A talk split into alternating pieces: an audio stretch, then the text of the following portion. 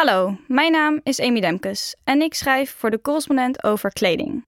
Ik ga nu een verhaal voorlezen over de vraag hoe het komt dat ondanks alle aandacht voor recycling, circulariteit en duurzame grondstoffen, de kledingindustrie er maar niet in slaagt om de ecologische impact terug te dringen. Veel luisterplezier. Van sportmerk Nike en prijsknaller Primark tot luxe modemerk Gucci. Is er nog een kledingbedrijf dat geen werk zegt te maken van verduurzaming? Ze verwerken het in hun missie, publiceren dikke rapporten over de stappen die ze zetten om klimaatneutraal en of volledig circulair te worden, en nemen duurzaamheidsmanagers aan die afdelingen van meer dan 100 werknemers aansturen rondom maatschappelijk verantwoord ondernemen. Naast de grote gevestigde kledingbedrijven is er bovendien een groeiende groep merken die duurzaamheid als voornaamste uitgangspunt hebben. Twintig jaar geleden moest je nog stad en land aflopen voor een biokatoenen t-shirt. Tegenwoordig hangen bijna alle winkels en webshops vol met ecolabels. Lekker bezig, die kledingindustrie, zou je misschien denken. Maar pak je de cijfers erbij, dan ontstaat een compleet ander beeld. De mode-industrie groeit namelijk jaar op jaar, en daarmee ook de vervuiling en CO2-uitstoot die ze veroorzaakt. Schokkend? Niet echt. Als je de daadwerkelijke duurzaamheidsdoelen van kledingbedrijven onder de loep neemt, zie je waarom dit een heel logische uitkomst is. Om maar te beginnen met het meest zichtbare onderdeel van de duurzaamheidsplannen van veel kledingbedrijven, namelijk materialen. Veel grote modemerken zien het vervangen van gewone materialen voor een duurzamere variant als een van de belangrijkste manieren om hun ecologische impact te verkleinen. In de praktijk komt dit bijvoorbeeld neer op het verruilen van katoen voor biokatoen, een nieuw polyester voor gerecycled polyester. Hierachter schuilt de aanname dat gerecycled of biologisch materiaal per definitie beter is dan conventionele stoffen. Sommige merken doen niet eens de moeite om daar bewijs voor te leveren. Andere baseren zich op de levenscyclusanalyse van een materiaal of product, een LCA. Daarbij wordt gemeten wat de milieu-impact van een product is gedurende zijn levenscyclus. Dus grondstofwinning, productie, transport, gebruik en afvalverwerking. Al worden die laatste drie vaak ook niet meegenomen. Om aan te tonen dat het ene materiaal beter zou zijn dan het ander, worden LCA's met elkaar vergeleken.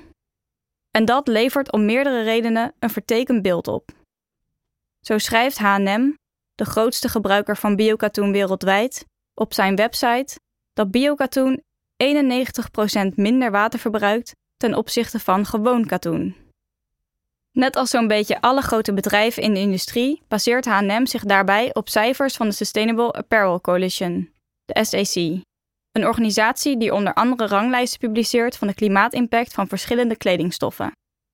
En daar gaat het mis, want de SAC legt onderzoek naar de teelt van biokatoen en conventioneel katoen naast elkaar dat helemaal niet met elkaar te vergelijken is. Zo wordt in de studies over biologisch katoen uitgegaan van natte gebieden waar weinig irrigatie plaatsvindt, terwijl die over conventioneel katoen gebaseerd zijn op droge gebieden. Tja, logisch dat er in dit specifieke geval minder water nodig is voor de teelt van biokatoen. Maar stel dat je de data over conventioneel en biologisch katoen met elkaar zou vergelijken op basis van dezelfde locatie, tijden en teeltmethodes.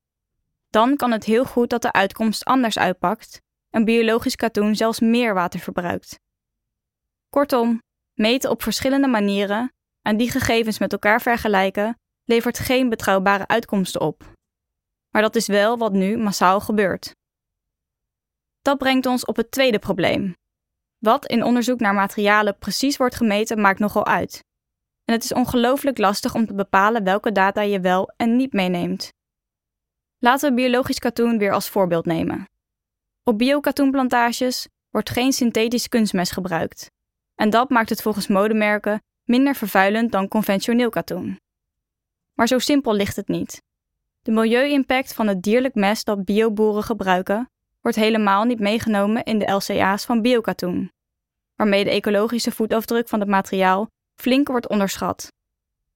Een merk dat katoen besluit in te ruilen voor een heel ander materiaal, loopt tegen hetzelfde probleem aan. Volgens de Sustainable Apparel Coalition is de klimaatimpact van katoen bijvoorbeeld hoger dan dat van polyester. Maar terwijl katoen inderdaad veel slechter scoort op landgebruik, scoort gerecycled polyester hoog op toxiciteit. En wat is erger? giftige stoffen die in ons drinkwater terechtkomen of een stuk bos dat moet wijken voor de aanleg van een katoenplantage.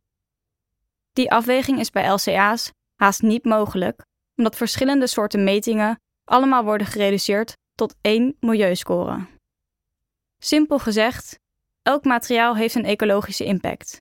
Die verlaag je niet door polyester in te ruilen voor een ander materiaal of voor gerecycled polyester, je verschuift de impact alleen. Hoe groen een materiaal volgens kledingbedrijven is, is bovendien afhankelijk van hoe vervuilend het materiaal is dat het vervangt. Oftewel, hoe slechter het oorspronkelijke gebruikte katoen was, hoe beter biologische katoen uit de verf komt. Maar dat maakt biokatoen nog niet daadwerkelijk duurzaam. Door naar een ander paradepaardje van de mode-industrie, waar nogal wat op aan te merken is, namelijk circulariteit. Dit is voor veel kledingbedrijven een verzamelnaam voor alles wat te maken heeft met recycling, hergebruik, reparatie en kledinginzameling. Het idee hierachter is dat dit de productie van nieuwe materialen en kledingstukken tegengaat. Zo is een veel voorkomende misvatting over recycling dat het de productie van nieuwe materialen per definitie vermindert. Daarnaast is recycling pas circulair te noemen als producten van gerecycled materiaal ook weer hergebruikt worden aan het eind van hun levensduur. Voor kledingstoffen gaat dit niet op. Waarom zijn je schoenen of shirts van gerecycled polyester bijvoorbeeld van petflessen gemaakt en niet van oude polyester kleding? Omdat dit vrijwel onmogelijk is en vaak veel te duur. Om die reden is je vest van gerecycled polyester uiteindelijk alsnog bestemd voor de verbrandingsoven of vuilstort. Of het dus over circulariteit of over materiaalsoorten gaat, veel zogenaamd duurzaam beleid van kledingmerken heeft uiteindelijk geen of zelfs een averechts effect.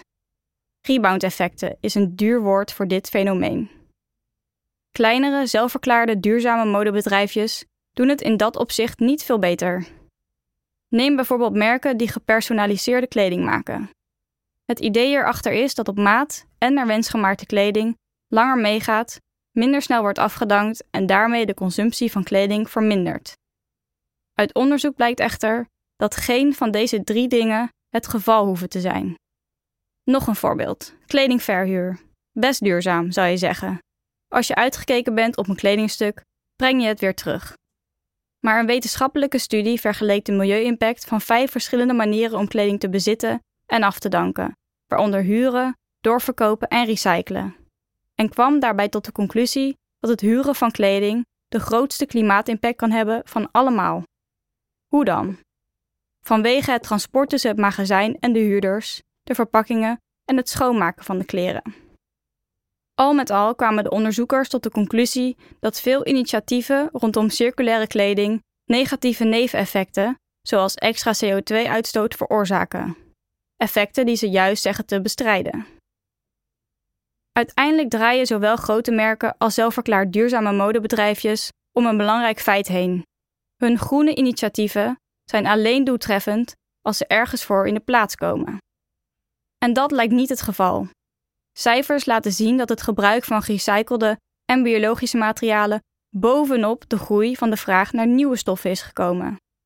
Met andere woorden, dat er een groeiende vraag naar gerecycled polyester is, wil niet zeggen dat de vraag naar gewoon polyester afneemt. Eén studie wijst zelfs uit dat zichtbare duurzame kenmerken van kleding, zoals ecolabels, in sommige gevallen mensen lijken te stimuleren om meer te kopen. Dan snap ik wel waarom Zalando in 2023 een kwart van de webshopproducten van een duurzaamheidslabel wil hebben voorzien. Hetzelfde geldt voor tweedehands kleding of kledingverhuur. Als dit bovenop nieuwe kleding aankopen komt, zal de milieuwinst laag, niks of in het ergste geval zelfs negatief zijn. The Next Closet, een verkoopplatform voor tweedehands merkkleding, neemt dus wel een heel scherpe bocht met de stelling dat het in één maand 130.346 kilogram aan CO2-uitstoot heeft vermeden en in 24 uur tijd 13.541 badkuipen vol water heeft bespaard. Want wie weet of een koper dat tweedehands shirt niet bovenop een nieuw shirt heeft gekocht.